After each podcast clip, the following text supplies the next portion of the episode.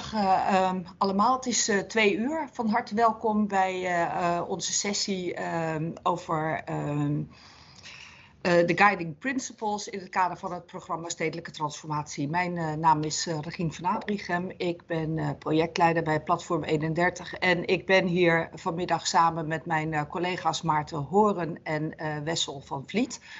Um, we zijn met een hele grote groep, bijna 100 mensen. Dus uh, dat is uh, fijn dat u allemaal uh, wilt meeluisteren en daarna wil meepraten.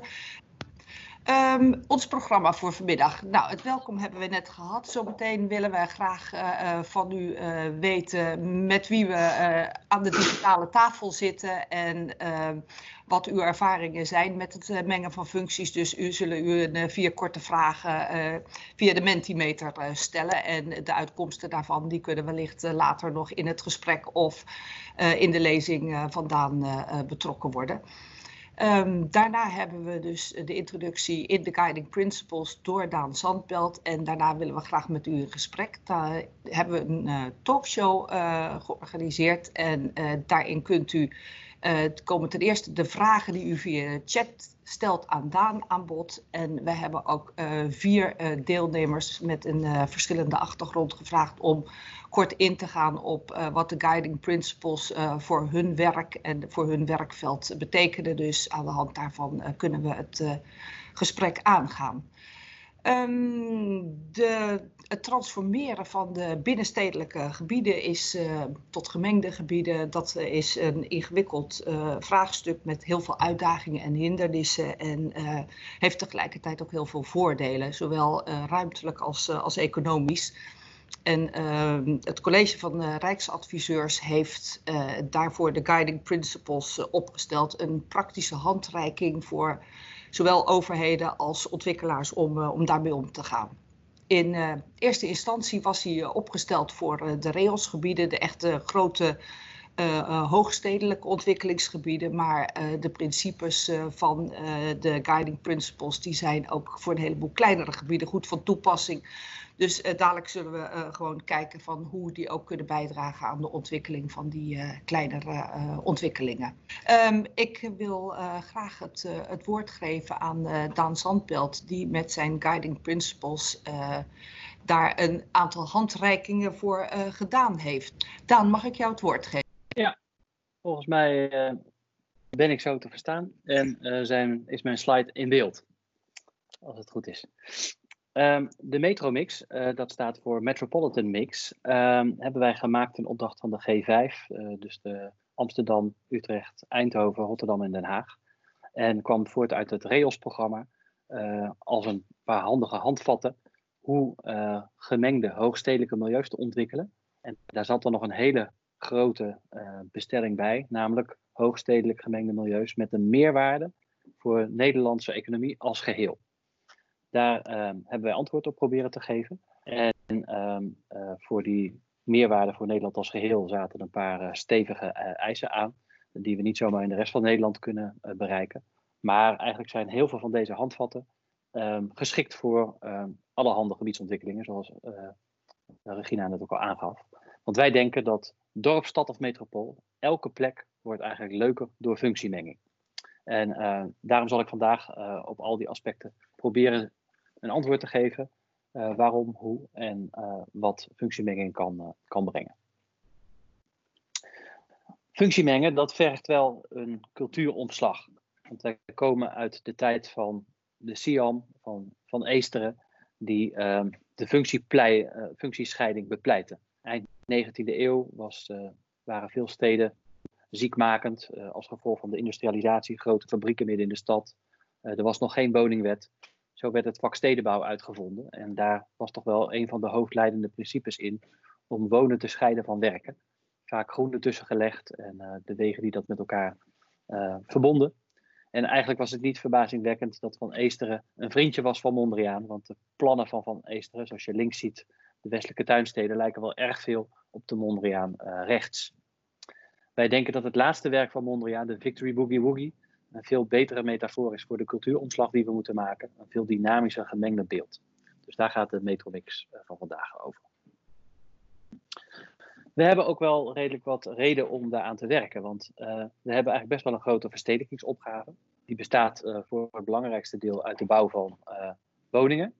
Laten we zeggen, grofweg zeker een miljoen. de, de, koersen dalen en stijgen nog wel eens, maar die miljoen is redelijk veilig. Daarnaast is er ook nog groei in werkgelegenheid. Dat getal van een miljoen, dat doet een beetje denken aan de Finex-periode. Dat waren ook een miljoen woningen. Maar toch is het wel een beetje andere opgave. De opgave is veel meer geconcentreerd in het westen van Nederland. En in de middelgrote steden daaromheen. En Maastricht en Groningen eigenlijk daarop aangevuld.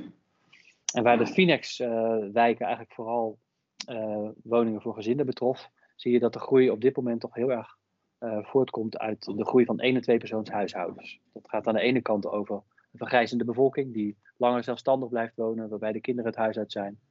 Um, en aan de andere kant over kinderen die het huis uit zijn, die nog lang niet een gezin starten, maar nog heel lang alleen met z'n tweeën wonen.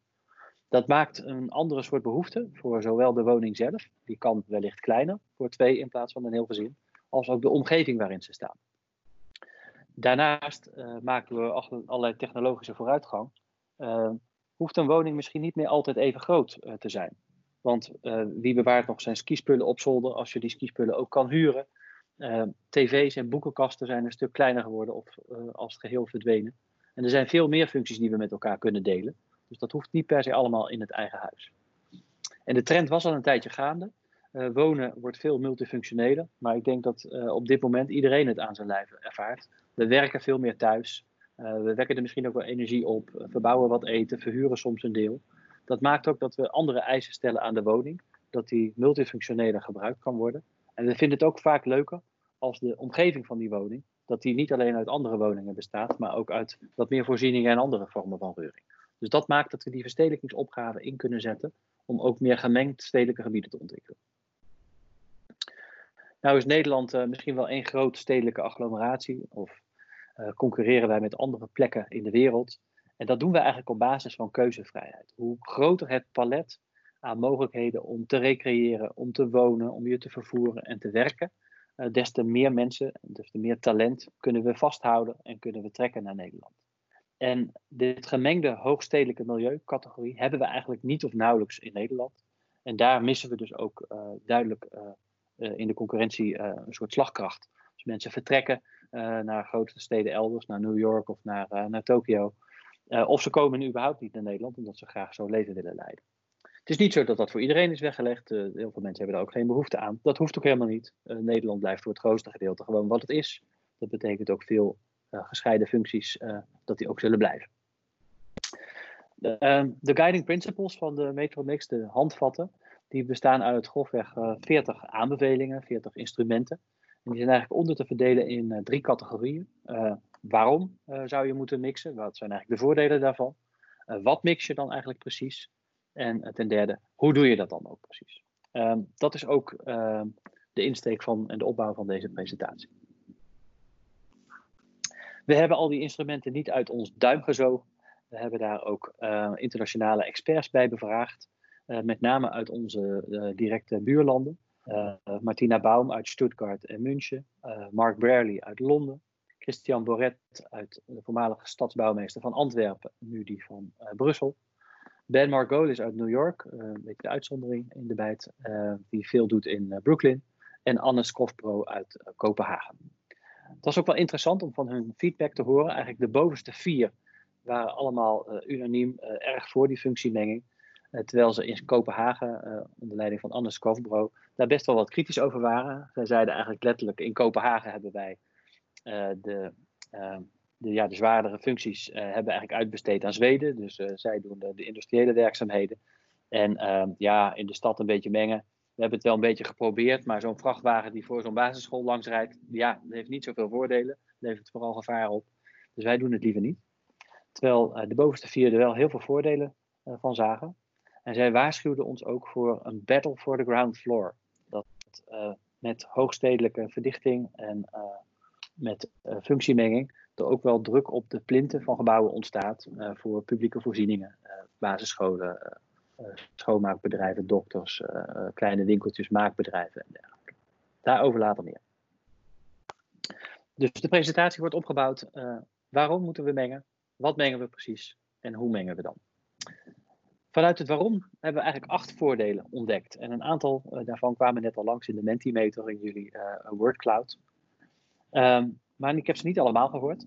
Een gemengd gebied, uh, allereerst, uh, reduceert zowel mobiliteit uh, als ruimtegebruik. Als je ehm, een gemengd gebied ontwikkelt, dan heb je van een aantal zaken kan een stuk compacter. Hè. Je hoeft zeg maar, maar één parkeergarage te maken die voor beide functies gebruikt wordt. Of het lunchtentje doet het ook s'avonds en in het weekend. Um, en het reduceert mobiliteit, omdat veel meer mensen kunnen hun leven nabij organiseren, nabij hun huis. Ze kunnen te voet en te fiets eigenlijk al heel veel van hun dagelijkse activiteiten ontplooien. En dat, ja, dat bespaart gewoon ruimte in het straatprofiel en in parkeergelegenheden. Um, en dat heeft uh, niet alleen maar een effect op het gebied uh, zelf, op de gebiedsontwikkeling zelf, maar eigenlijk ook een uitstraling op de omgeving, omdat die ook uh, die keuzevrijheid dichtbij krijgt. Um, ja, dus de, de menging van op verschillende schalen werkt. Een uh, volgend voorbeeld, die stond al uh, prominent in de Mentimeter, is dat een gemengd stedelijk gebied is veel leefbaarder. In de zin van sociale veiligheid. Hè, dus dit is een straatje in Tokio. En daar is het ook s'avonds nog sociaal veilig. Het is rustig, want er wordt niet alleen gewoond. Er zijn ook nog winkeltjes open. En overdag wordt er volop gewerkt.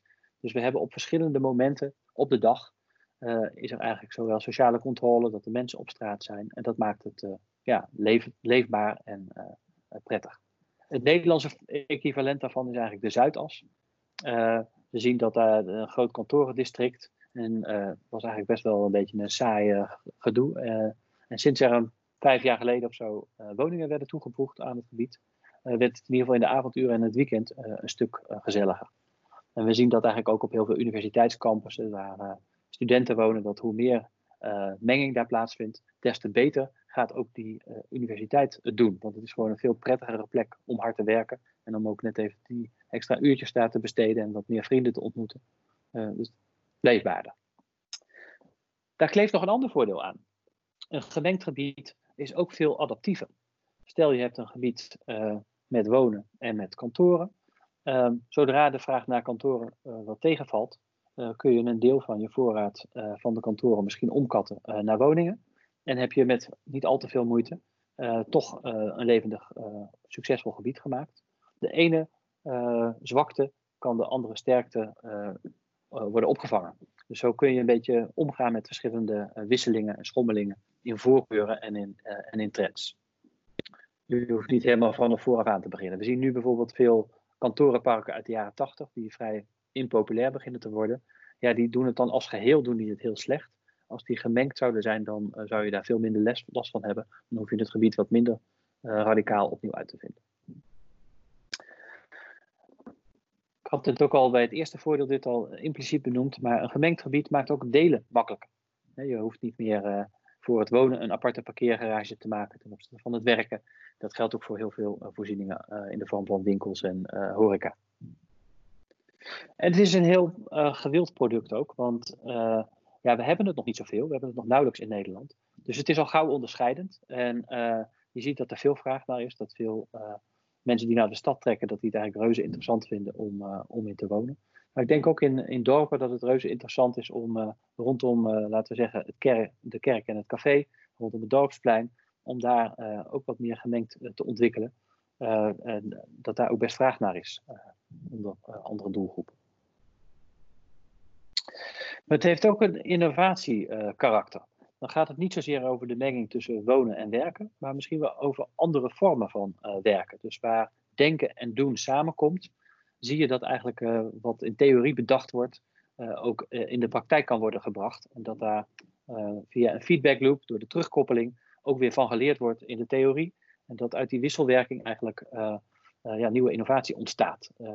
Dit is even een voorbeeld in Parijs, Station F, een voormalig stationsgebied waar allemaal start-ups samen met multinationals aan nieuwe ideeën voor nieuwe bedrijven werken en dat ook in de praktijk uitwerken, ook uitproberen. Dat zie je eigenlijk op heel veel plekken, op universiteitscampussen of bedrijven, campussen die zich openen naar andere kleine start-ups. Um, en je ziet ook wel weer dat ook in zo'n gebied het weer helpt als niet alleen dat denken en dat doen bij elkaar zit, maar dat er ook weer een beetje wonen aan wordt toegevoegd. Omdat daardoor het, eigenlijk het werk zelf, dat denken en doen, eigenlijk een veel prettigere omgeving gebeurt. En daardoor mensen meer stimuleert om daar te gaan werken en te blijven werken. Maar het heeft ook een potentie voor zijn omgeving. Wij zien dat veel gemengde gebieden ontwikkeld kunnen worden rondom kwetsbare wijken of rondom bedrijventerreinen die best een impuls kunnen gebruiken.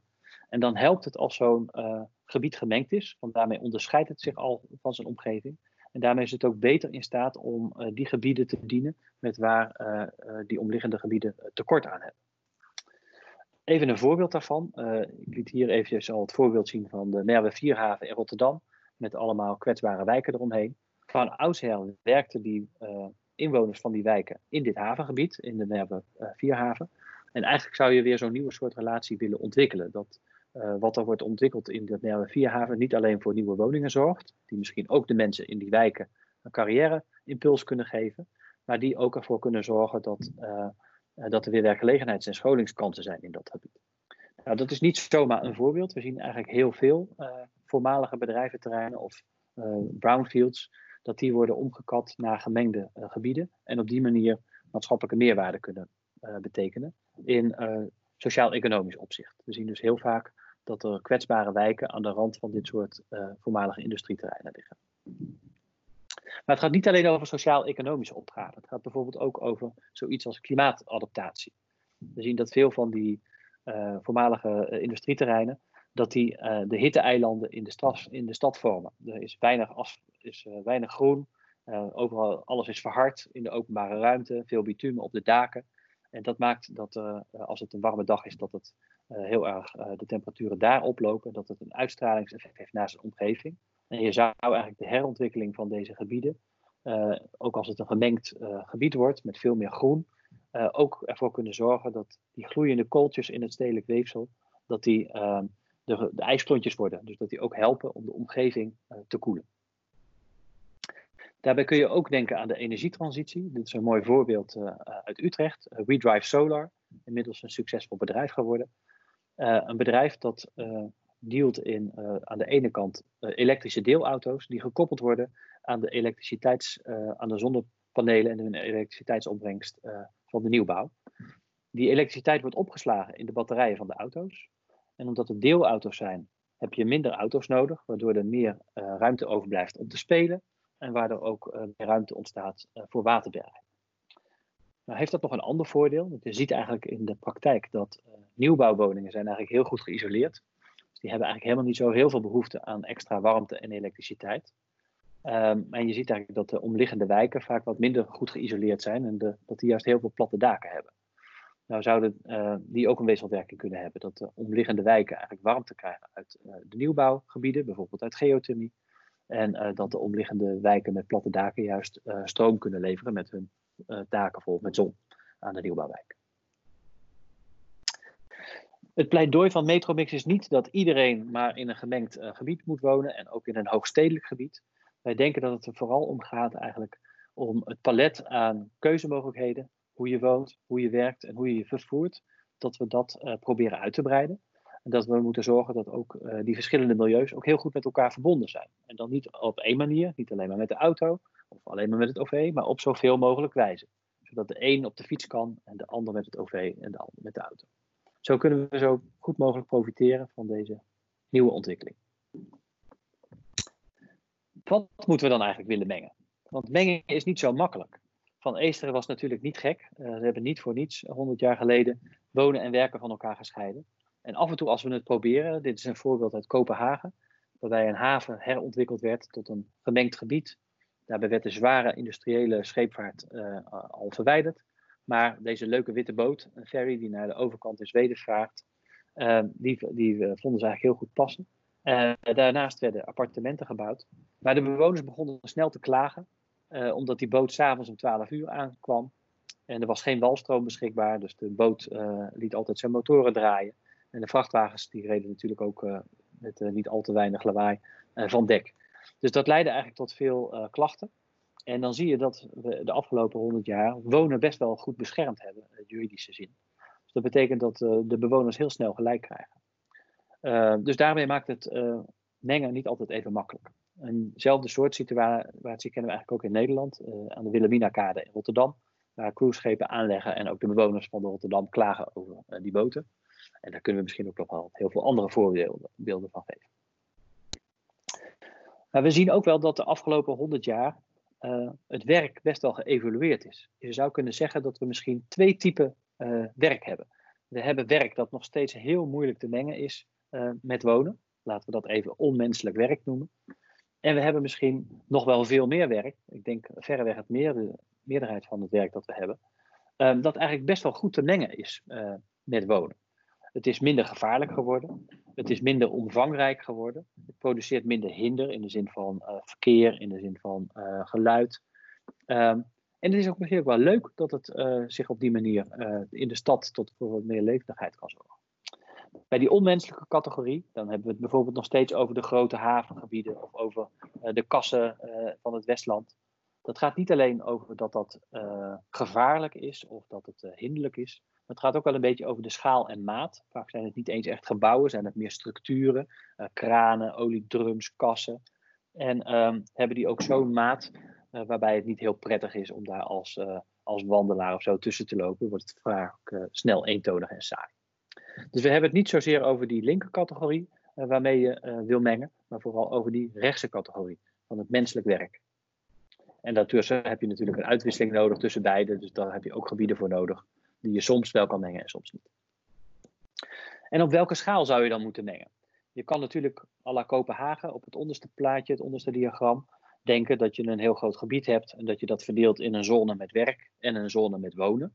Dat zou je, als je maar ver genoeg uitzoomt, ook een mengingsvorm kunnen noemen. Dat vonden wij niet zo heel interessant, want dat kunnen we eigenlijk al, dat doen we ook wel. Dus daar is weinig toegevoegde waarde. Um, als je naar Hamburg kijkt, de Haven City, uh, ja, daar heeft men eigenlijk geprobeerd op elke schaal uh, te mengen. Op uh, niveau van gebiedsniveau, op het niveau van een, van, een bouwblok, op het niveau van, van een gebouw en zelfs binnen een studio, een woonwerkstudio hadden we in de aanbieding. Een mooi voorbeeld zien we hier rechts. Achter de bakstenen gevel zitten appartementen en achter de glazen puien zitten kantoren. dus het is een gemengd gebouw. En de conclusie is eigenlijk wel dat, ja, dat kan wel, maar het levert best wel veel gedoe op. Uh, je ziet dat de eigenaar en de eigendom van het woongebouw, dat die een gescheiden opvang en gescheiden vluchtwegen willen ten opzichte van de kantoren. Dat ook eh, beleggers niet gewend zijn om in één portefeuille een gebouw te hebben waar zowel gewoond als gewerkt wordt. Dus dat is eigenlijk best gecompliceerd. Dus wij stellen eigenlijk voor, op basis van verschillende case studies, dat het veel verstandiger is om te mengen op bouwblokniveau en op straatniveau. Dus dat je eigenlijk verschillende gebouwen met verschillende functies naast elkaar hebt staan. Dat zie je in B2. En dat je dan vervolgens eh, zorgt dat dan wel de begane grond van die gebouwen, de plinten, dat die eigenlijk wel heel afwisselend geprogrammeerd zijn. En dat die een hoogfrequente afwisseling hebben. Dus dat als je op straat loopt, waar toch eigenlijk de meeste ontmoetingen en de meeste uitwisselingen plaatsvinden, uh, dat je dan een afwisselend straatbeeld hebt. Dus dat er uh, elke 10 meter wel een voordeur zit uh, met weer een ander adres. En je wil ook eigenlijk dat die plinten verschillend geprogrammeerd zijn. Wij noemen dat een OMA-programmering. Niet daar het architectenbureau, maar met een ochtend, middag en een avondprogramma. En dat leidt eigenlijk tot gemengde bouwblokken, gemengde straten, met monofunctionele gebouwen, die het makkelijker maken om ze te ontwikkelen, die het makkelijker maken om ze te verkopen aan de belegger of om zaken te geregeld te krijgen als eigenaar uh, en de huurders. Um, en het is toch een heel aantrekkelijke stad en een uh, straat, doordat de plinten hoogfrequent zijn. Dus meng vooral op bouwblokniveau. Maar we hebben het ook al in de Mentimeter gezien dat dat nog best ingewikkeld is, zo'n gebiedsontwikkeling gemengd te realiseren. Dus we hebben nog verder naar de Mondriaan gekeken. Dus de klassieke Mondriaan links staat een beetje symbool voor de functiescheiding. En de Broadway Boogie Woogie die we hier zien, of de Victory Boogie Woogie, die werden door Mondriaan gemaakt in New York. En die laten eigenlijk al een veel kleinere korrel zien en wat meer dynamiek en uh, uh, afwisseling. We hebben met die bril ook zelf eens naar New York gekeken, naar Manhattan, waar Mondriaan zo door werd geïnspireerd. Manhattan is vol van functiemenging, maar als je heel goed kijkt, dan zie je dat daar wel degelijk heel verschillende milieus in zijn te onderscheiden. En in elk van die milieus wordt gewoond en wordt gewerkt en zijn andere speciale kwaliteiten aanwezig. Wij noemen dat een raamwerk voor reuring, rust en ruis. En hier in het midden zien we even Broadway, een voorbeeld van reuring. waar het eigenlijk zowel overdag, s avonds als in het weekend druk en gezellig is. Daar wordt, daar wordt niet alleen gewerkt, er zijn veel voorzieningen in de plint, maar er wordt daarboven ook gewoond. Met name door mensen die ook gebruik maken van die hoogstedelijke voorzieningen beneden. Maar heel direct daarvan, aan de linkerkant, heb je ook heel veel gebieden waar heel rustig gewoond wordt in dit soort uh, brownstones. En waar je aan die gebouwen ook niet eens kan zien of het nou een woning of een hotel of een kantoor uh, of, een, of een school is. Dat zit er ook allemaal in en dat kan ook wisselen op termijn.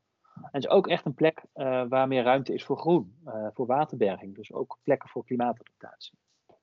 En aan de andere kant ook een zijstraat van Broadway zie je juist plekken met ruis, waar meer ruimte is voor logistiek, voor nog eens een maakbedrijf, voor hele bijzondere woonvormen die meer op een atelier of een studio lijken, met een cateringbedrijf aan huis of een muziekstudio.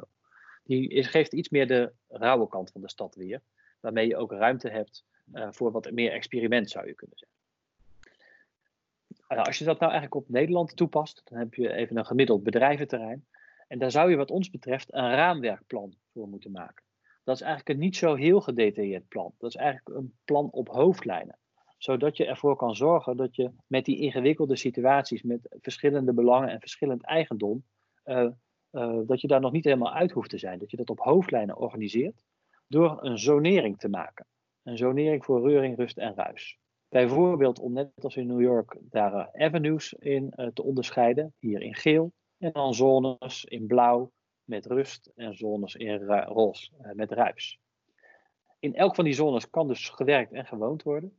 Ehm, maar het zegt ook dat het een mix van mixen is. Dus verwacht niet dat het overal per se gezellig wordt. We denken dat je op de gele straten, die misschien wel het meest bijzonder zijn of het moeilijkst voor elkaar te krijgen zijn, dat je daar uh, je speciale culturele en bijzondere programma uh, moet concentreren. Ehm, en dat je misschien in de roze zones misschien ook wel wat bescherming biedt aan zittende werkgelegenheid of voor maakbedrijven en dergelijke.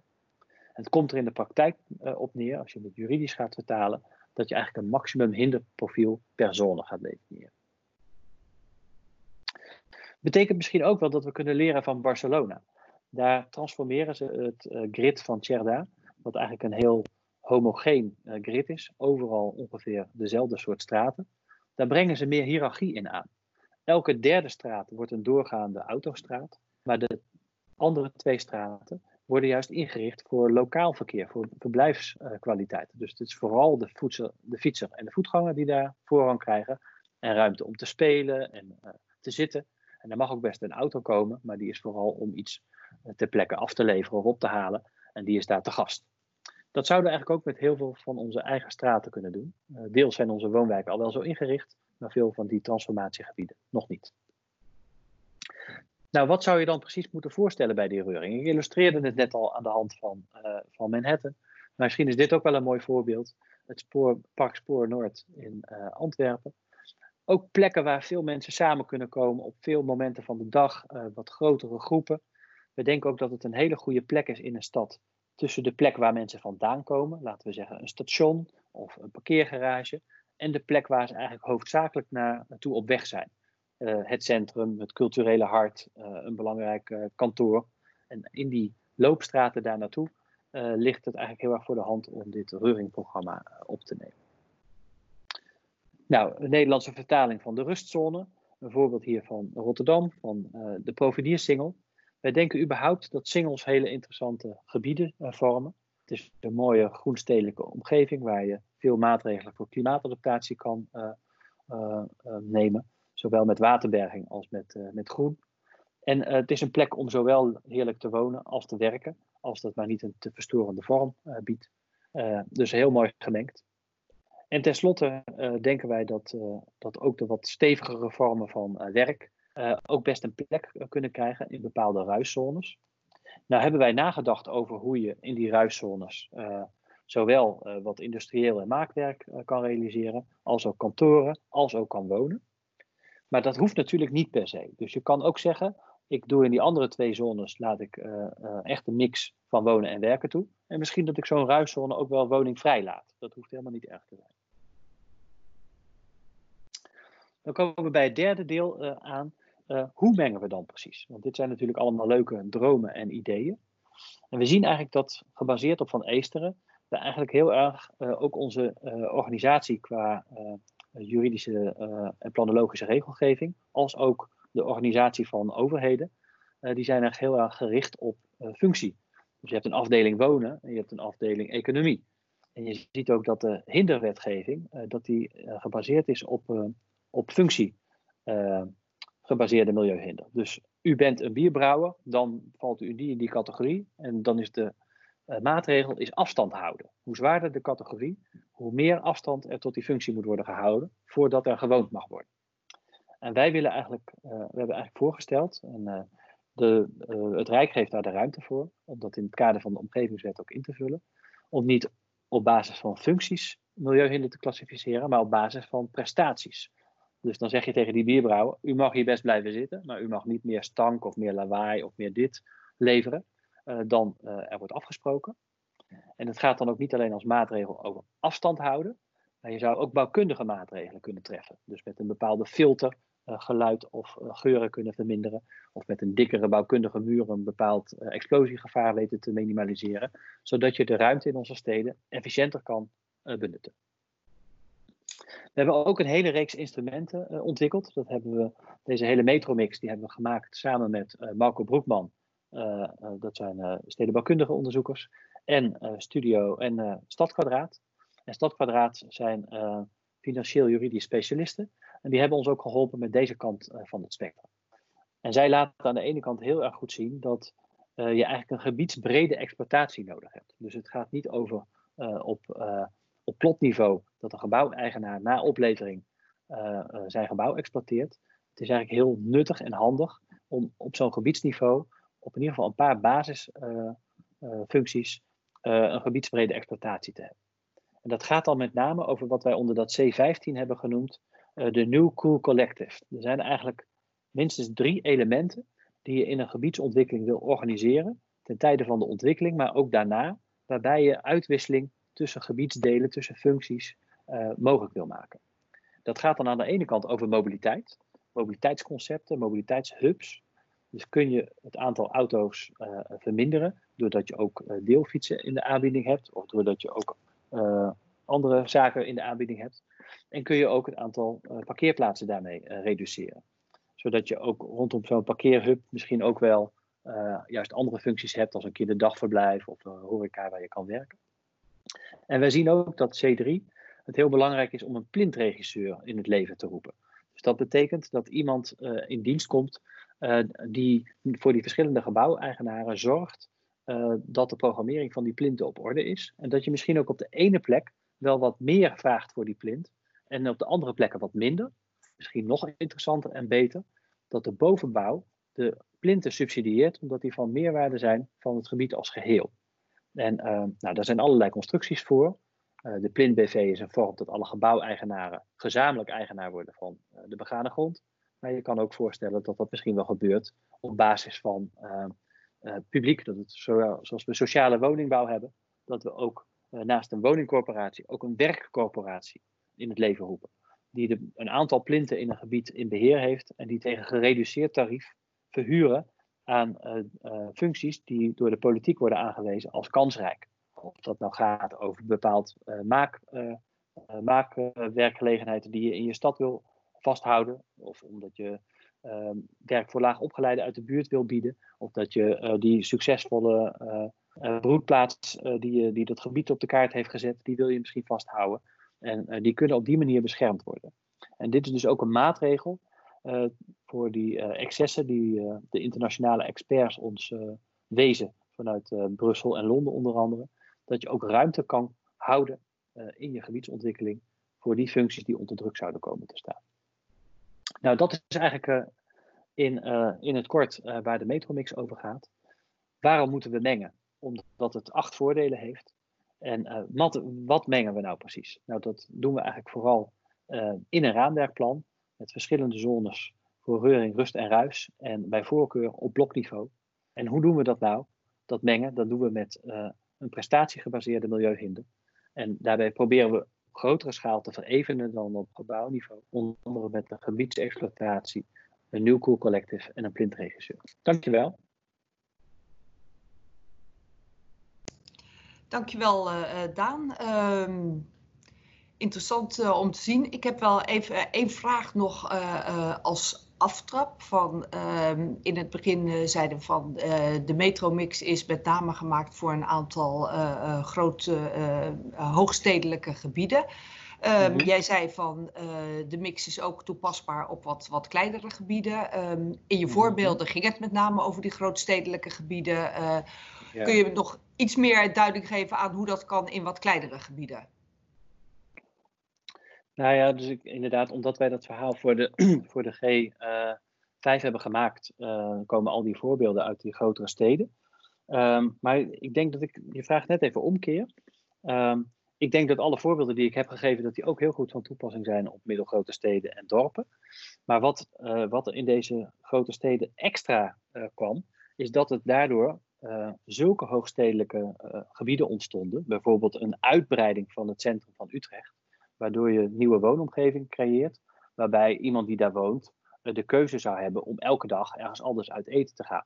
En elke dag uh, naar een ander uh, cultureel uh, uitgaansgelegenheid zou kunnen gaan. Naar de film, naar het theater, naar, naar een, een poppodium.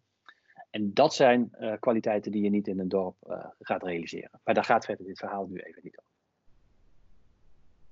Dus volgens mij gelden al deze elementen van het reduceren van mobiliteit, leefbaarder, die gelden ook allemaal op het niveau van een dorp. Natuurlijk is de impact en de schaal daar wat kleiner, maar het is absoluut, geldt daar hetzelfde, tot ook daar eh, eh, het bakkertje eh, zowel de werkende als de bewoner kan bedienen.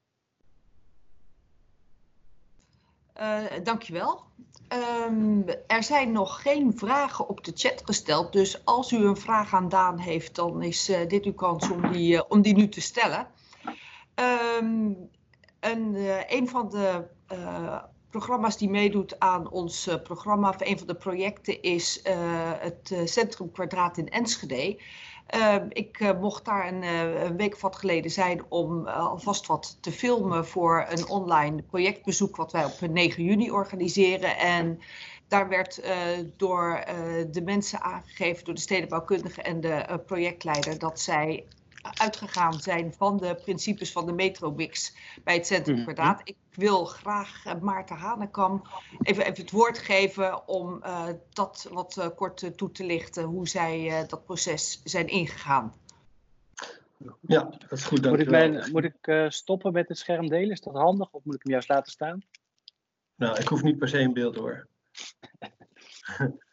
Even kijken. Uh, ja, ik werk in Enschede als stedenbouwkundige en uh, onder andere aan Centrum Kwadraat, dat is de spoorzone van Enschede. En um, Centrum Kwadraat bevat ongeveer uh, eh, 60 hectare aan grond wat we willen transformeren. Sommige delen zijn al goed, sommige delen zijn niet goed. En wat het bijzondere daarin is, en volgens mij had jij het daar net ook over gedaan, uh, het ligt pal aan het station, aan de noordzijde van het spoor richting Duitsland en richting Randstad. En aan de zuidzijde ligt het centrum. Er zit geen, aan de zuidzijde geen barrière tussen, aan de noordzijde wel. Mhm, mhm.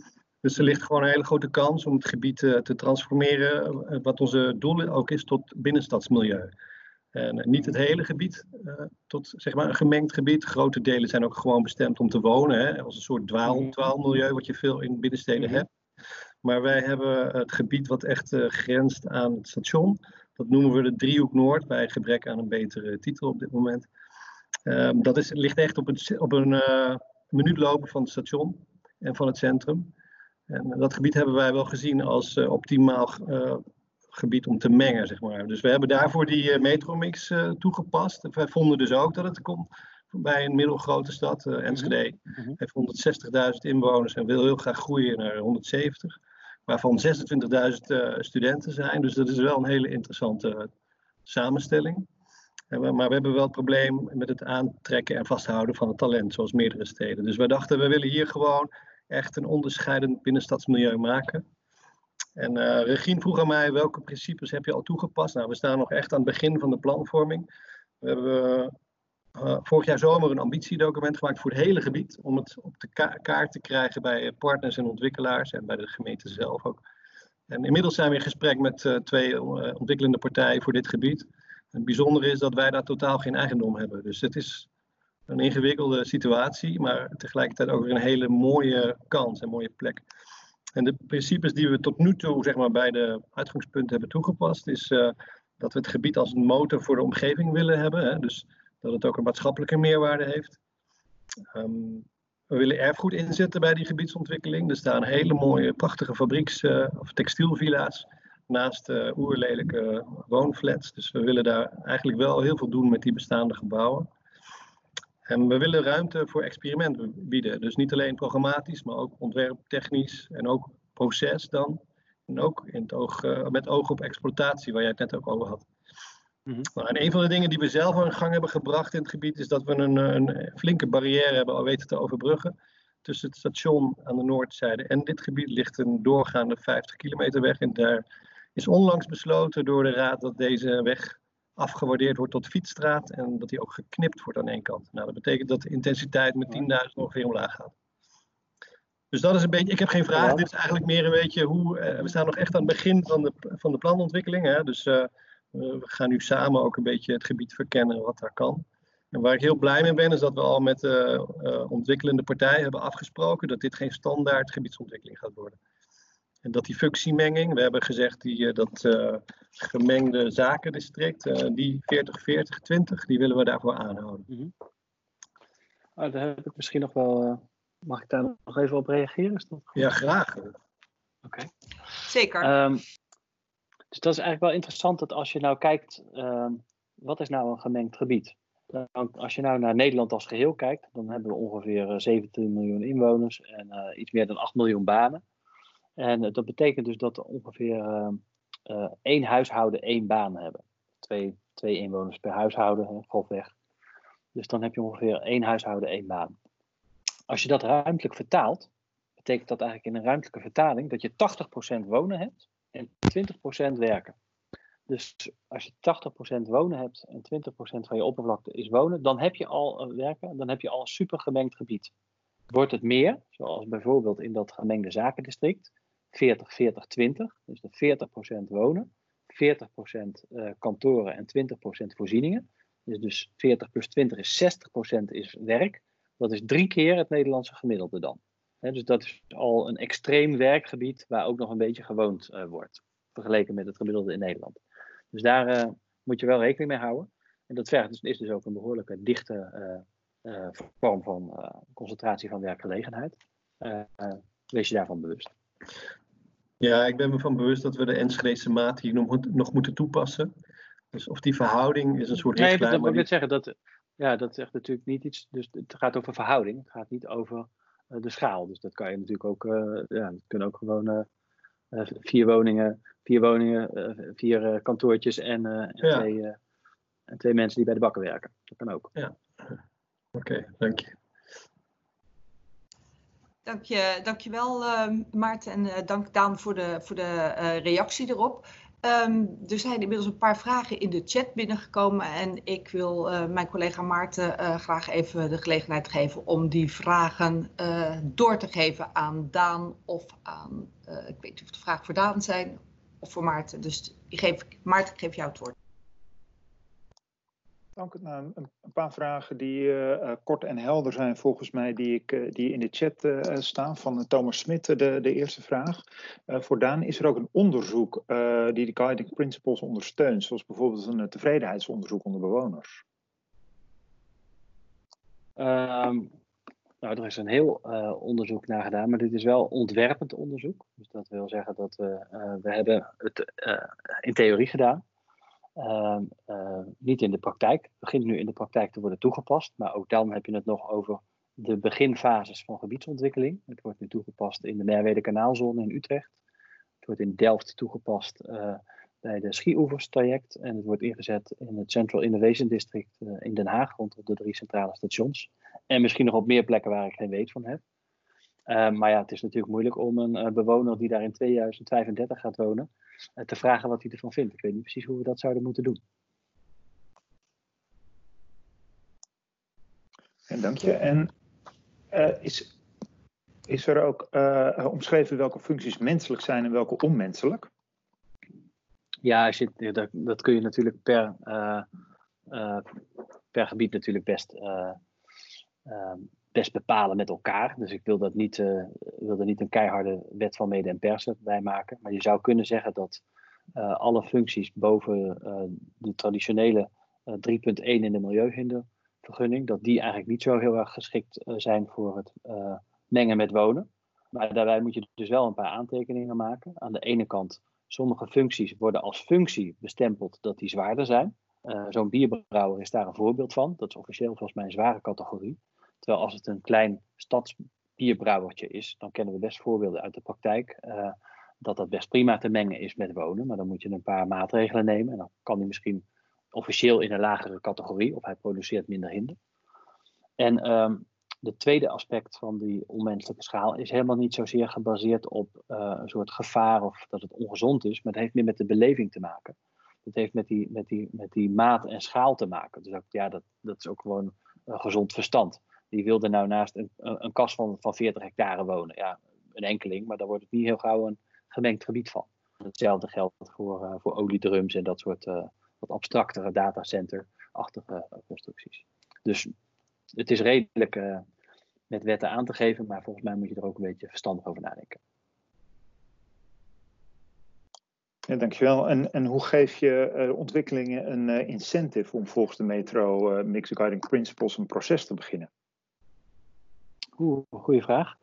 Um, nou, wat, wat wij hebben gemerkt, zowel bij het ontwikkelen hiervan, hè, dus we hebben dit niet, uh, hebben niet alleen uh, op een studeerkamer gezeten en met die internationale uh, gasten gesproken, we hebben ook met al die vijf betrokken gemeenten, die allemaal hun grote transformatiegebied inbrachten. Die hebben we uitgenodigd en partijen daarbij die erbij betrokken waren. En je zag eigenlijk dat het heel nuttig was om een gebiedsproces te maken. Dus waarbij eigenlijk niemand ongelijk heeft. Dus iedere, dat je probeert ieders uh, particuliere belang een plekje te geven in dat raamwerk als geheel, maar ook uh, te voorzien van die ambitie die de gemeente heeft. Dus dat betekent aan de ene kant qua procesaanpak dat je behoorlijk wat ruimte laat voor verschillende partijen om die toch, die verschillende deelbelangen naast elkaar te laten bestaan. dat gaat voor een heel groot gedeelte goed. Uh, dat merk ik dat ik dat nu nog niet heb toegelicht. Maar er zijn ook een paar van die functies die dus onmenselijk zijn. Uh, bijvoorbeeld even, misschien is die term niet helemaal goed hoor, maar die niet zo wenselijk zijn om te mengen met wonen. Je ziet op heel veel van die binnenstedelijke gebieden zie je dat daar een, een asfaltcentrale of een betoncentrale uh, nog staat. En die genereert vaak zoveel hinder, in de juridische zin, maar ook in de, in, de, in de feitelijke zin, dat wonen daarnaast heel ingewikkeld wordt wij kunnen ons heel goed voorstellen dat je dat soort functies uiteindelijk uitplaatst. Uh, en dus dat is ook onderdeel van dat gesprek. En die zou dan die gebiedsontwikkeling als geheel, of de voordelen die dat oplevert, uh, moeten financieren of dat mogelijk maken. En dan moet je ook uitzien te komen.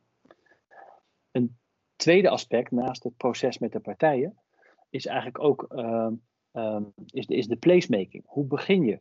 Veel van dit soort terreinen waar we het nu over hebben, dat zijn eigenlijk voormalige werkterreinen waar eigenlijk een normale burger, als die daar niet werkte, nooit kwam. Dat maakt ook dat die gebieden waren ingericht op met heel weinig verbindingen met hun omgeving.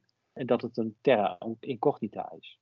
Dan is het aan de ene kant heel goed om met een aantal activiteiten te laten zien wat daar zou kunnen uh, gaan gloren. Denk bijvoorbeeld uh, uh, nou, aan, aan, bepaalde evenementen of bepaalde horeca.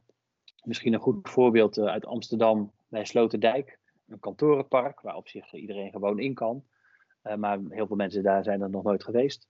Daar is een kiosk, uh, een Bret genaamd, die heeft daar opeens een plek van weten te maken waar mensen graag uh, kwamen borrelen. Zowel op vrijdagmiddag als de rest van het weekend. En dat heeft er heel veel, heel veel Amsterdammers bewust van gemaakt dat dit een plek is waar je straks kan gaan wonen. En dat heeft dus ook de interesse voor het programma om daar te wonen enorm aangejaagd. Dankjewel. Uh, we hebben nog een paar vragen, die zullen we uh, voor uh, zo dadelijk bewaren. Want, zoals ik al eerder zei, aan het begin hebben we aan een aantal mensen gevraagd om eens te reflecteren vanuit hun vakgebied of hun achtergrond naar hoe ze gebruik kunnen maken van, van de metromix. En wij hebben bij ons eh, programma Stedelijke Transformatie niet heel vaak mensen met een, van een, uit een veiligheidsregio uh, onder onze deelnemers. En ik heb er nu op zijn minst twee geteld, dus dat vind ik wel heel bijzonder. En ik heb aan Sander Bloemberg van de veiligheidsregio Haaglanden gevraagd van waarom ehm, uh, heb je aangesloten bij deze sessie en ook van wat is het belang van de metromix voor het werk van de veiligheidsregio. En ik uh, zou hem willen vragen daar even kort op te reageren. Ja, bedankt. Ja, inderdaad, ik ben Sander Noemberg, werkzaam voor de veiligheidsregio Haaglanden. Ik ben daar adviseur omgevingsveiligheid en ehm, ik zou eventjes kort toelichten van waarom heb ik vandaag nou eerst deelgenomen. Um, nou, ik zeg al, Haagland, wij hebben veel te maken met uh, hoogstedelijkheid en steeds meer uh, complexe en uh, functiebouw. Um, ik was benieuwd naar van, oké, wat zouden de metromix, wat voor, van, van handvaten bieden die voor bijvoorbeeld het werk van de hulpverleningsdiensten? Um, die is soms lastig te koppelen. Um, ik heb voor mezelf nog even gekeken van oké, uh, waar zit het voor ons? Waar zou bijvoorbeeld voor ons uh, een gebruik van zijn? Uh, als ik ga kijken naar hè, de hindercontouren voor bijvoorbeeld veiligheid, is daar nu een, hè, het, wat ook in, in, in, de metromix over gesproken, over het groene boekje van de VNG. En wat eigenlijk gewezen naar de nieuwe systematiek, nieuwe milieusanering en steeds meer functiemenging. En ik vraag me eigenlijk af van als we gaan kijken naar steeds meer menging, steeds uh, dichter op elkaar, dus ook meer tussen haakjes last van elkaar, ook bij incidenten. Um, dat de, de, hoge functiemenging ook behoorlijk intensief is om te gaan monitoren.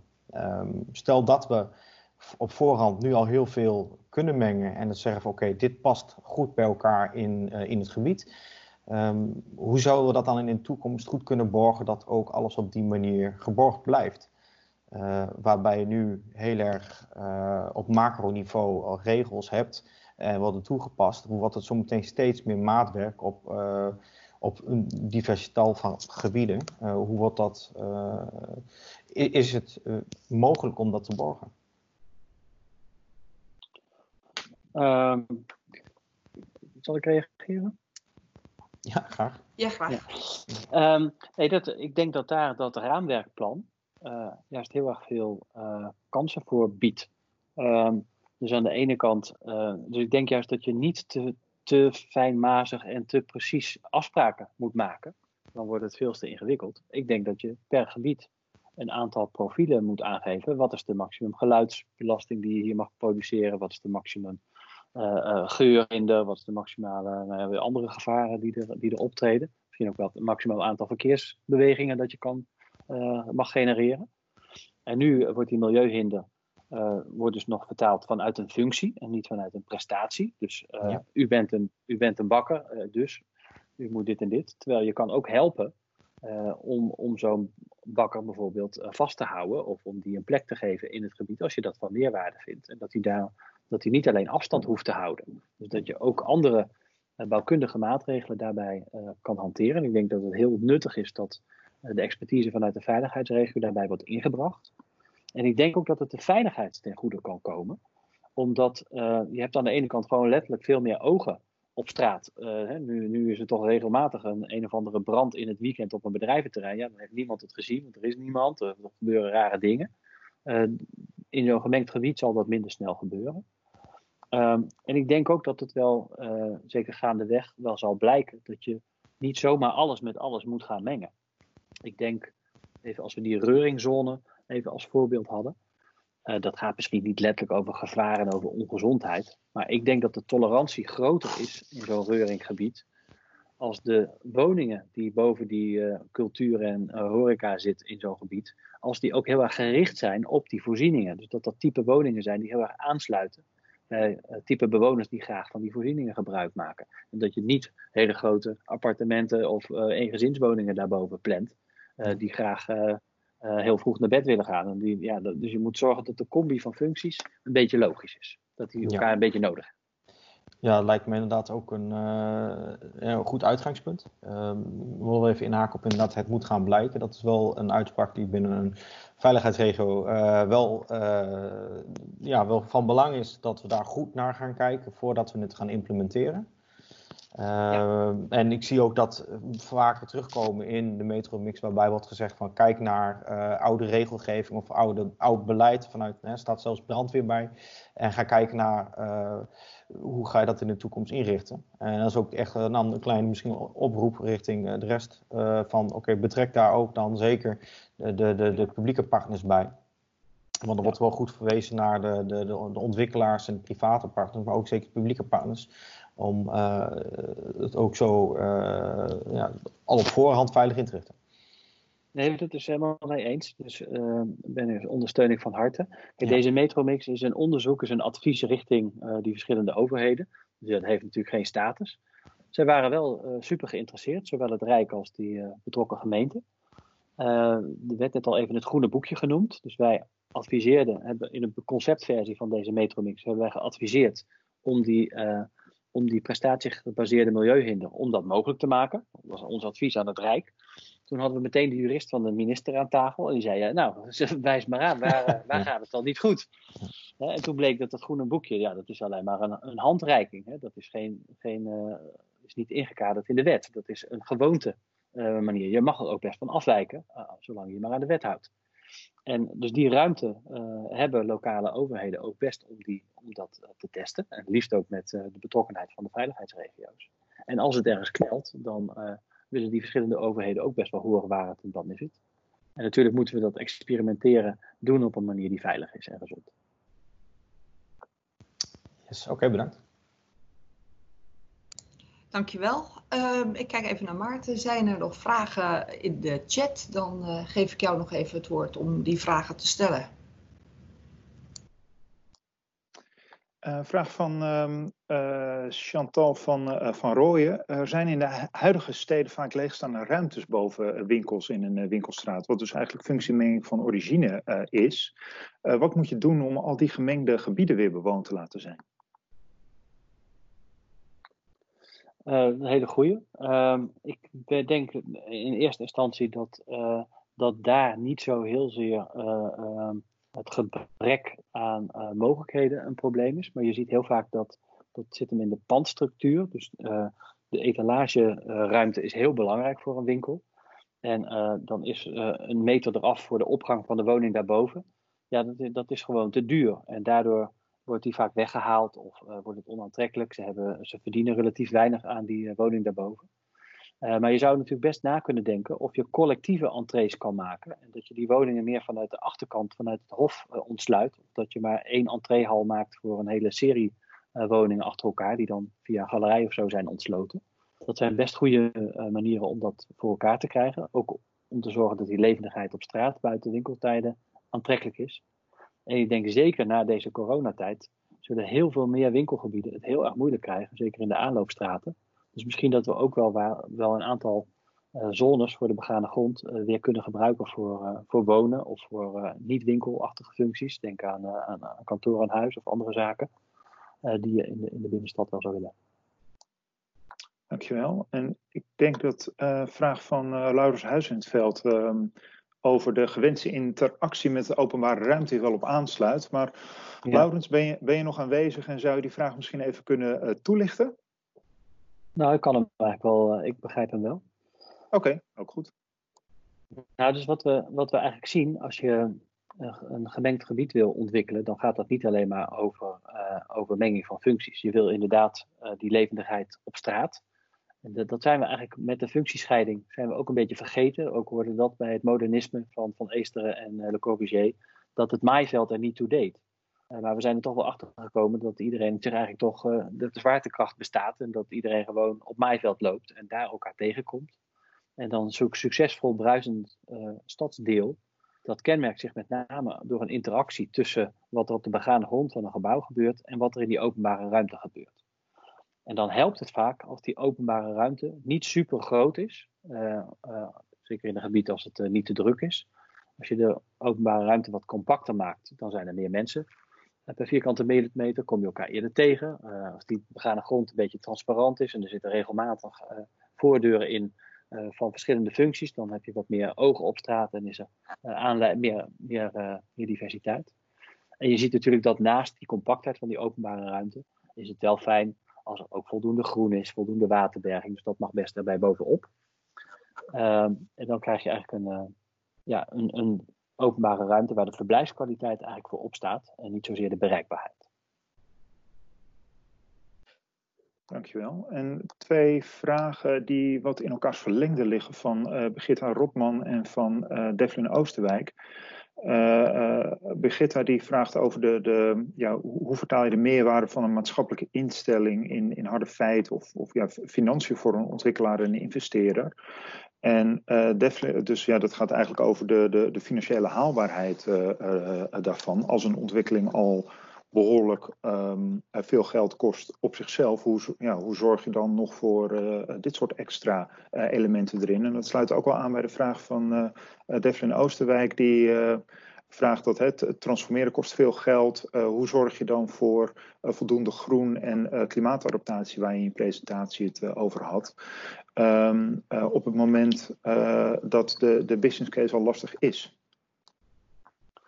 Um ja, dat uh, vergt denk ik zowel iets van de marktpartijen, maar misschien nog veel meer iets van de overheden. Als, de als het grondbedrijf als enige bepaalt wat uh, de opbrengsten moeten zijn, dan gaat het volgens mij niet goed. Dus mijn basisantwoord voor allebei de vragen is eigenlijk: het niet doen is nog veel duurder. Dus het niet opvangen van, uh, van de maatschappelijke organisaties of ruimte maken voor de placemaker of uh, uh, het niet maken van de ruimte voor klimaatadaptatie, dat is veel duurder als je dat niet doet. Want dan wentel je het eigenlijk af op een gebied buiten de gebiedsontwikkeling. Of je moet het met allemaal technische oplossingen doen, die het misschien uiteindelijk technisch wel doen, maar die niet meerwaarde leveren in de vorm van de kwaliteit uh, van een openbare ruimte. En ik denk dus dat je het kan vergelijken met zoals je ook in een gebiedsontwikkeling eist van een marktpartij dat er bepaalde hoeveelheid sociale woningbouw in het programma zit. Um, en dat er misschien ook ruimte is voor, uh, dat er dus op die manier ook ruimte wordt gemaakt voor werkgelegenheid. Maar het kan niet zo zijn dat dan de overheid alles bij de marktpartij legt en vervolgens het grondbedrijf nog steeds de hoogste uh, grondopbrengst deelt. Dus dat vergt ook wel degelijk iets aan de publieke kant. Van we moeten niet alleen kijken naar de grondexploitatie, we moeten eigenlijk kijken wat, heeft, wat is het effect van deze gebiedsontwikkeling op de stad als geheel. Dat zegt iets over de sociaal-maatschappelijke kant. Uh, maar dat zegt ook nog wel over uh, twee andere dingen die ik nog wel even wil benadrukken, als dat mag. Daarnet ging het over die openbare ruimte. En uh, ik heb net uitgelegd hoe die reuring, rust en ruis werkt voor de programmatische kant, voor de bebouwde kant. Maar die inrichtingssferen en principes leiden eigenlijk ook ertoe uh, tot inrichtingsideeën voor die openbare ruimte. Wat kan je op welke plek beter doen en hoe moet je die daarop inrichten? Ik heb ook in de voordelen benoemd, een tweede aspect, dat uh, gemengde gebieden bijdragen aan uh, de reductie van mobiliteit. Nou, dat, dat blijkt nog wel een beetje grotere factor uh, te zijn dan wij misschien hadden gehoopt. Als je dit soort gebieden uh, ontwikkelt, dan reduceert dat niet alleen de automobiliteit van zo'n nieuwe gebiedsontwikkeling, maar heeft het ook een uitstralingseffect tot ongeveer twee kilometer daarbuiten. Dat betekent dat als je de Merwede kanaalzone in Utrecht tot een gemengd stedelijk gebied ontwikkelt, dat dan bijvoorbeeld mensen uit Kanaleneiland of Lombok de rivierenbuurt, dat die veel meer keuze krijgen om de hoek. Uh, voor een opleiding, voor een baan, uh, een wooncarrière, voor een sporthobby-achtige bestemmingen. En dat die daar minder vaak de auto hoeven te pakken, en dat die dus meer te, te fiets en te voet zullen doen. Daar kan een gemeente ongelooflijk veel geld mee besparen. Dat soort type geld wil je natuurlijk ook weer steken in de gebiedsontwikkeling. Dus die moet je wel meenemen in dit soort exploitaties. En dat vergt dus die cultuuromslag die ik in het begin heb aangekondigd met Van Eesteren. En dat sluit ook wel aan bij de vraag uh, van uh, Peter van Schie, uh, wat je nu noemt ook weer het voorbeeld van de Merwede kanaalzone. Um, ja, is, is die metromix dan ook toepasbaar voor, of heb, je dat soort um, effecten ook bij de wat kleinere gebieden? Zijn, zijn vraag is ook van, is het al echt toepasbaar mhm. voor gebieden die een internationaal eh, bereikbaarheidsprofiel ontberen? Nou ja, dat, dat gaf je in het mhm. begin al, uh, al wel aan op basis van een vraag van Regine, dat die kansen er zeker wel zijn. Maar kan je daar nog op reageren of ja. je dat voor de iets kleinere gebieden ook ziet? Nou, laat ik dan even extreem de andere kant op gaan. Ik snap dat er heel veel tussen de grote steden uh, zit en dan uh, een krimpgebied. Maar dan alles wat daartussen zit, de middelgrote stad, de kleine stad, het dorp, in een, in een groeiomgeving, daar is het ook allemaal op van toepassing. Maar stel je hebt een krimpgebied. dat betekent dat het aantal inwoners daalt eigenlijk zien we bijna overal in Nederland dat ondanks dat de, het aantal inwoners daalt, uh, het aantal woningen misschien nog eerder groeit of op zijn minst stabiel blijft, omdat er minder mensen in één huis wonen. Dat maakt het wel moeilijker in een klein dorp om bijvoorbeeld de bakker en de slager uh, nog overeind te houden. Ook moeilijk om publieke instellingen overeind te houden. Maar als je nou zorgt dat je in zo'n dorpskern, dat die ene schuur die daar midden in het dorp staat, als je die nou kan transformeren tot uh, enkele woningen en een cultuurhuis. Een, publieke instelling waar het gemeenteloket en de, de muziekschool en de biep of wat er al aan publieke functies is, dat die onder één dak kunnen worden gebracht. Waarbij die door één persoon kan worden beheerd. En misschien lukt het zelfs wel om ook commerciële functies, functies als een supermarktje met een bakker uh, daarin onder te brengen. Dat kan de levendigheid van zo'n dorp, als je dat in het hart van dat dorp doet, uh, waar ook, uh, ook weer gemeenschapszin geven. In plaats van dat je dat dorp aan de rand van, de, van de wijk, van, de, van, de, van het dorp weer met een nieuw straatje uitbreidt. en dat die mensen weer autogericht zijn en snel hun boodschappen elders doen in de stad verderop. Dan kan dit ook in, in kleinere kernen volgens mij enorme bijdrage leveren aan de vitaliteit van, van zo'n zo'n kern.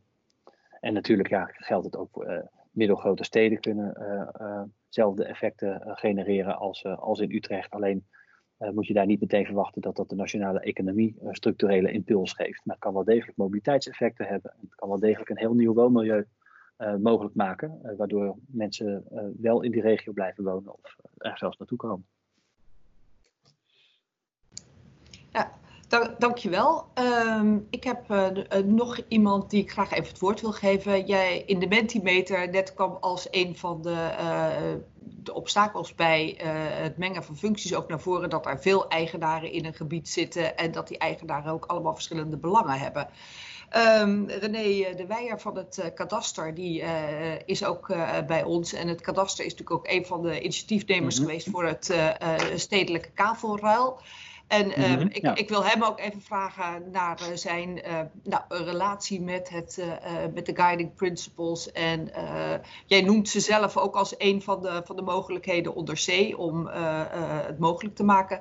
Maar ik wil hem mm -hmm. even vragen naar zijn, zijn reactie en zijn ervaringen ermee van hoe, heb, hoe gaat het kadaster om met die guiding principles. René, mag ik jou het woord geven? Ja, hallo, goedemiddag. Ik ben uh, René de Weijer van het Kadaster, uh, betrokken bij uh, stedelijke transformatie in, uh, nou, in het stedelijk gebied. daar hebben we vanuit het Kadaster al heel lang ervaring mee, daar zal ik nu niet allemaal op ingaan.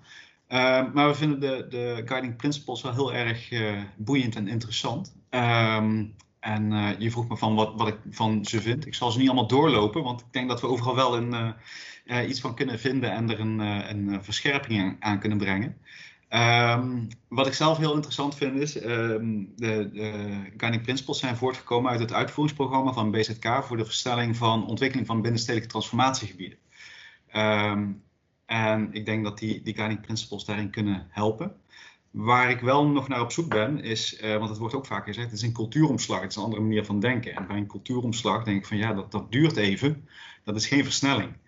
Uh, dan denk ik aan het plaatje van Fokke en Sukke. Ik weet niet of jullie die kennen. Uh, die zijn aan het plannen en dan zeggen ze van en de cultuuromslag, wanneer is die? Ja, die is donderdag de 17e om half vier. Um, volgens mij gaat dat uh, niet werken en zo, zover zijn we ook nog niet. Um, maar ik denk dat we wel al, ook vanuit het kadaster, heel erg aan het experimenteren zijn daarmee. Um, om juist met die eigenaren, want daar gaat het om. al deze gebieden, het zijn bestaande gebieden waar al een heleboel eigenaren, gebruikers, ondernemers aanwezig zijn um, die, die daar al heel lang zitten. Um, en ik denk dat die guiding principles een hele mooie wortel zijn om naar een uh, goede mix te komen. Um, en je moet ze daar op de een of andere manier in uh, meekrijgen. Maar ook hun uh, verantwoordelijkheid in meegeven. En heel veel van de vragen die in de chat staan, die gaan daar ook over. Dat wonen boven winkels, dat, daar, dat, dat doet niet één eigenaar alleen. Uh, dat kan je collectief doen. Uh, uh, Daan geeft dat ook al aan. Dat, dat zijn collectieve vraagstukken.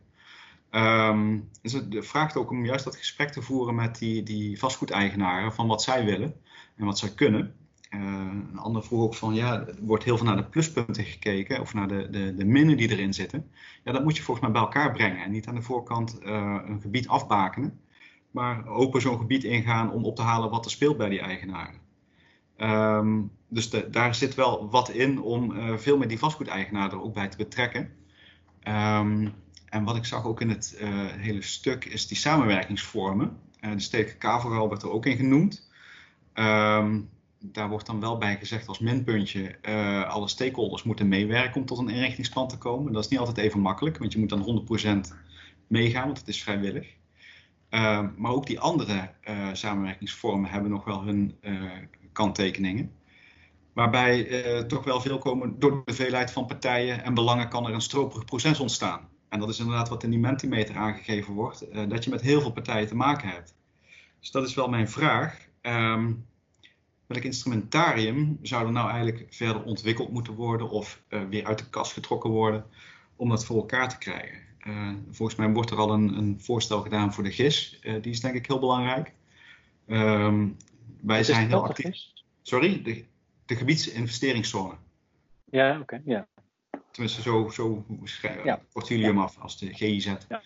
Ja. Um, de stedelijke kavelruil zit erin, maar wij uh, zijn altijd nog voor de stedelijke herverkaveling en een aanvullingswet grondeigendom. Mijn vraag is nog wel van, ja, wat, wat is er nou nog meer nodig om dat echt voor elkaar te krijgen? Uh, om de eigenaren op een goede manier um, in die guiding principles mee te krijgen. Want de guiding principles zijn, vind ik, uh, de wortel, maar je hebt eigenlijk ook nog een stok nodig. Um, nou, twee, twee reacties. Uh, aan de ene kant eerst even over die uh, cultuuromslag. Volgens mij heb je hem zelf eigenlijk al beantwoord. Uh, je moet daarmee experimenteren. Uh, en je moet dus aan de ene kant om te oefenen wat het beste werkt, maar ook om alle partijen daarin mee te krijgen. Dus hoe doe je dat? Uh, nou, door tijd in te ruimen om op veel plekken te experimenteren. En je kan het dus niet van bovenop afleggen, dat gaat niet werken. En uh, het is ook geen excuus om te zeggen, dan doen we het maar niet. Want ja, dan, dan, heb je alle redenen waarom je hier aan bent begonnen, teniet gedaan. En ja, volgens mij is haast de slechtste reden om dingen niet te doen. dat merken we nu op allerlei fronten. Dat als dingen snel en goedkoop moeten, moeten dat is eigenlijk het grootste recept geweest in het verleden voor ellende die we dan op korte termijn daarna hebben gekregen. Denk aan de jaren 80 stadsvernieuwing bijvoorbeeld. Um, dan eventjes over de, de rol van de eigenaar. Volgens mij uh, zit hij er in principe uh, heel sterk in. Maar ik ben het helemaal mee eens dat, uh, dat hij een belangrijke rol heeft. Ik ben geen jurist, dus ik weet daar niet iets van. Dus ik moet nu even ehm, Stoutener, Theo Stoutener van de Stadkwadraat napraten. die heeft inderdaad die gebiedsinvesteringszone voorgesteld. Er is ook een dergelijk instrument volgens mij nu met het ministerie van BZK overeengekomen om dat uit te proberen op een aantal plekken. En ik weet dat in de Merwede kanaalzone in Utrecht heeft men ook met al die verschillende eigenaren ook een plan gemaakt. Dus er was een programma voor die Merwede kanaalzone. Dat hebben ze over dat gebied geprojecteerd. En ze hebben delen van dat gebied een portie programma gegeven. En ze de vrijheid gelaten om daar met elkaar uit te komen. En de ene had dan de lucratieve programma dan de andere. Um, en daar was wel volgens mij een soort compensatiemechanisme voor. Maar als ze er niet uitkwamen, moesten ze zelf met de buurman praten. Of ze kregen een soort minimumprijs vanuit het plan als geheel. En dat was toch altijd ietsje onaantrekkelijker, die prijs. Dus er zat een soort incentive in om er samen uit te komen. Omdat het dan toch eigenlijk voordeliger was uh, voor alle vastgoedeigenaren. Nou, dat zijn mechanismen die ik nu niet um, te diep kan duiden. Want daar, heb ik gewoon te weinig verstand van. maar die wel in de praktijk worden uitgeprobeerd. En waarbij je ziet dat zowel zittende eigenaren als ontwikkelaars wel tot, tot elkaar kunnen komen. En daar, daarvoor is dat proces ook zo belangrijk. Dat je een plan maakt waarbij al die verschillende belangen uh, een plek krijgen. En natuurlijk zal best een aantal van de huidig zittende eigenaren niet meer kunnen blijven doen wat ze nu doen. Maar die moeten er uiteindelijk niet slechter van worden. En ik denk dat dat heel belangrijk is om zo'n proces uh, um, uiteindelijk zal die beginfase wel wat stropiger en wat langer duren, maar uiteindelijk sneller tot een eindresultaat te laten leiden. Nee, helder volgens mij. Ja, ik, ik denk wat je ook aangaf, die, uh, de, de, guiding principles geven een kans om iets beter te maken gezamenlijk. In Mhm, plaats van mhm. iemand alleen ja, er steeds slechter voor te laten staan. we zien Ja, het inderdaad ook heel veel in binnensteden met de winkel leegstand. we verwachten zo direct ook Mhm. nog wel iets met de horeca, dat daar iets gaat gebeuren. Ehm, hoe ga je dat verder oplossen? Alleen komen ze er niet uit. Dus je moet dat inderdaad in, in collectieve zin doen.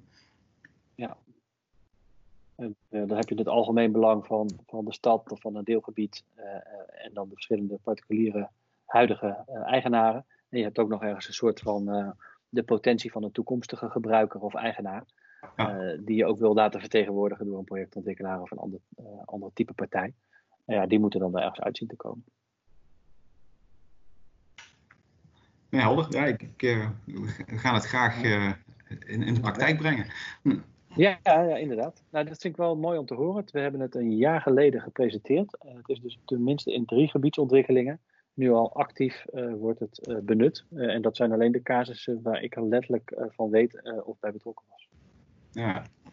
ja, en ik denk dat, dat die vragen komen ook. Hè. Is het alleen maar voor grote, grote steden? Ik denk dat het overal wel toepasbaar is. Ehm, en Nee, ik dat het inderdaad het, eh, het voorbeeld van Enschede heb ik inderdaad ook al voorbij zien komen. Vond ik ook een heel goed voorbeeld. Eh was ik verder niet bij betrokken, maar eh, eh, heel goed. Misschien eventjes eh, daarop eh, aansluitend ook eh, dat deze principes toepasbaar zijn in middelgrote steden. Ehm, eh, René Mhm. Veldkamp is secretaris van de fysieke pijler van de G40. Dat is het grote stedennetwerk. En zij is in die hoedanigheid ook lid van de werkgroep van het programma Stedelijke Transformatie. En zij heeft ook wel even gekeken naar wat, wat kun je nou in die projecten in die middelgrote steden. Dus ik wil haar daar even het woord over geven als, als laatste van de mensen die wij gevraagd hebben om even kort te reflecteren. René, ben je in de buurt? Ja, ik ben er. Dankjewel, Regine. Ja, ehm René Veldkamp, secretaris fysieke veilig van de G40. G40 is het netwerk van de middelgrote steden in Nederland. Dus niet de G4. Eindhoven is wel lid van ons netwerk.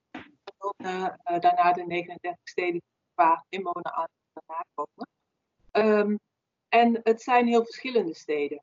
Ehm, de eh, binnenstedelijke transformatie is in heel veel steden een vraagstuk.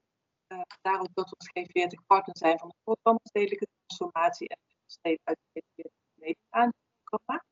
Um, er zijn steden bij die, uh, nou, bij wie die principes heel goed toepasbaar zijn, omdat ze goede afschool, uh, goede openbaarsvoorzieningen hebben, hoger onderwijs en uh, punten die in de guiding principles genoemd worden, mogelijk maken om nou ja, deze met de metromix te werken.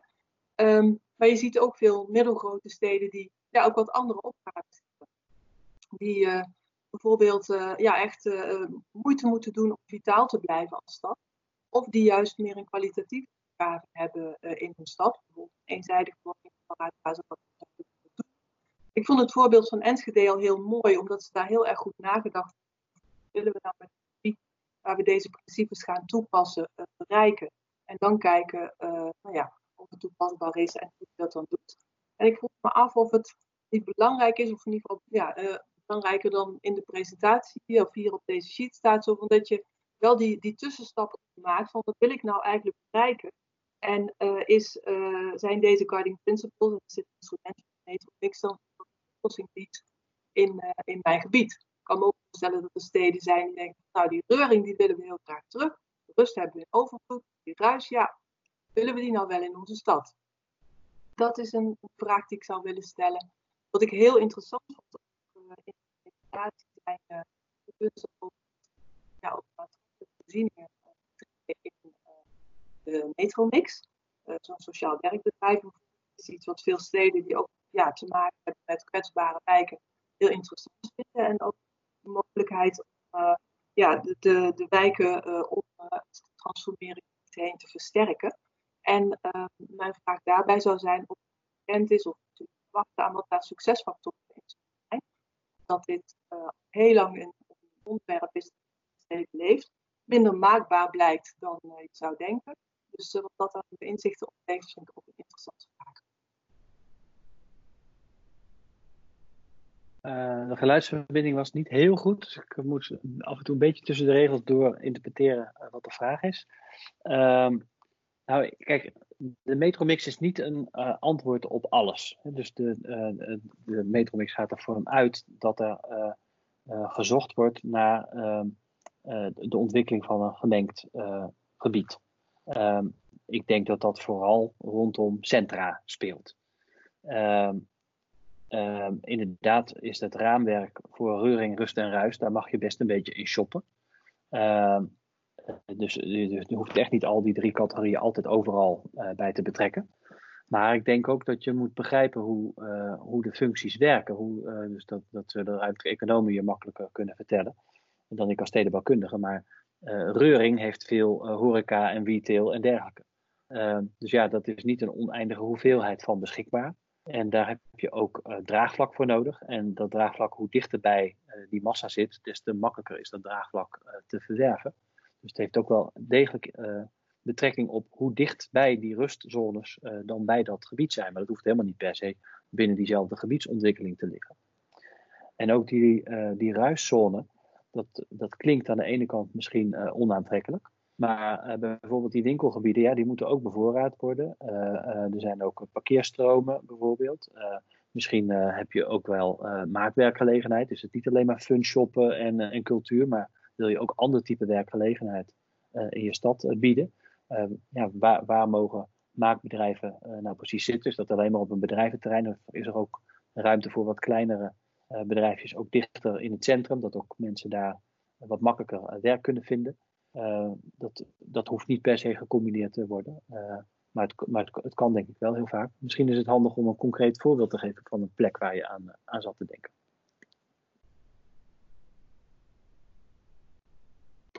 Uh, nou ja, je kunt denken aan uh, wat kleinere steden in de GV. Ik noem bijvoorbeeld Deventer of Os of, of Helmond. Ja. Die zich nou ja, dat wel afvragen van, ieder geval bestuurders zich dat afvragen van hoe houden wij bijvoorbeeld de loop erin? Ja, nou, dus ik ben bijvoorbeeld zelf opgegroeid in Hengelo. En dat is wel misschien een mooi voorbeeld. Want het gaat met de binnenstad van Hengelo eigenlijk heel slecht.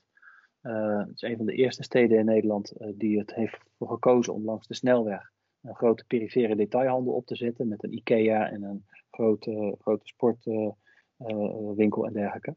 En die heeft eigenlijk de hele binnenstad leeg gezogen.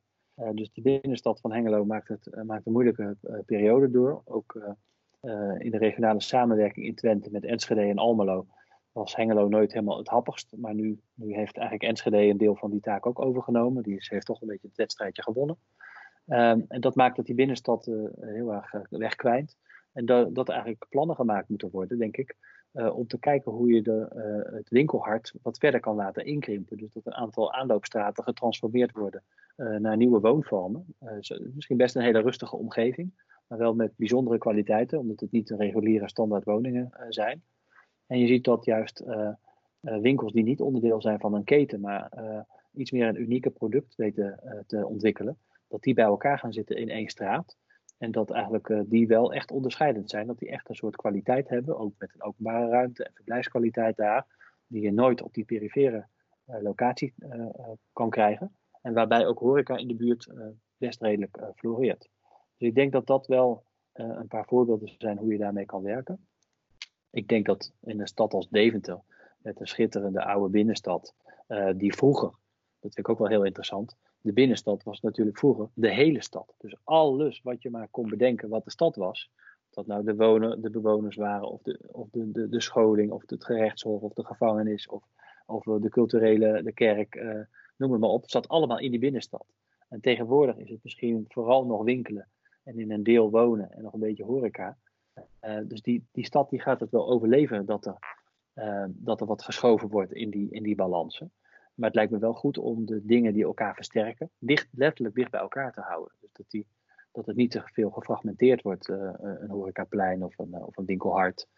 En dat je misschien daarmee ook wel ruimte kan creëren voor dingen die heel lang niet in de binnenstad pasten. Dat er misschien juist ruimte ontstaat voor meer, meer wonen, of misschien wel meer onderwijs, of misschien toch wel wat ambachtelijke bedrijfjes in de binnenstad die iets maken. omdat dat in bepaalde zones best voor een positieve impuls kan zorgen. Dankjewel. Ik, uh, ik wil het ook gezien de tijd hier, uh, hierbij uh, bij laten. Um, het is net half vier geweest, dus wij gaan zo deze sessie afsluiten. Daan, ik kreeg nog één vraag. Ik denk van, we leven natuurlijk nu toch in een bijzondere tijd. En Michel Beuving die vroeg zich af of jij nog iets kunt zeggen. Denk jij dat corona kansen biedt voor functiemenging? Ja, ik denk zoals elke tijd. Ik denk dat het een aantal balansen heel erg uh, verschuift. Ik heb misschien al wel een paar zo tussen de regels een paar keer genoemd. Ik, uh, ik denk dat, uh, dat fysieke winkels het een heel stuk moeilijker gaan krijgen na corona, omdat we allemaal, denk ik, nog meer gewend zijn geraakt om dingen online te bestellen. Ik verwacht eerlijk gezegd omgekeerd dat de horeca, als we eenmaal weer met, alle, met z'n allen bij elkaar mogen komen, dat die eigenlijk best goed kunnen draaien. Misschien hebben die wel meer ruimte nodig dan ze voorheen nodig hadden. Uh, dus dat, die kunnen misschien een deel van die uh, leegstaande winkels opvangen. Uh, ik denk ook dat onze woningen, nu we zoveel thuis zitten, dat we die ook iets meer inrichten op het niet wonen. Dus dat het wat prettiger is om, om thuis te werken hele dagen met al je gezinsleden. Dus dat je dat ook wat kan opdelen. ja, er zijn best wel veel mensen sceptisch over, over de dichtheid en over verstedelijking. Um, ik ben uh, juist erg optimistisch. Ik denk dat als je kijkt naar waar de corona optreedt, uh, dan is dat niet zozeer in de grote steden. Kijk naar Brandhaard, uh, Oost-Brabant. Daar zie je dat Den Bosch en Eindhoven eigenlijk heel weinig coronagevallen hebben. En het landelijk gebied juist daaromheen heel veel. En juist in een stad heb je in een, in een bebouwd gebied heb je veel meer voorzieningen nabij. zodat je toch nog thuis aan je trekken kan komen. Dus ja, ik denk dat het maakt niet zo heel veel uit uh, wat de trends zijn. Die, deze raamwerkdenken uh, kan bijna met al die trends wel omgaan. En ik ben nog steeds wel positief over uh, functiemenging en verdichting. Dankjewel.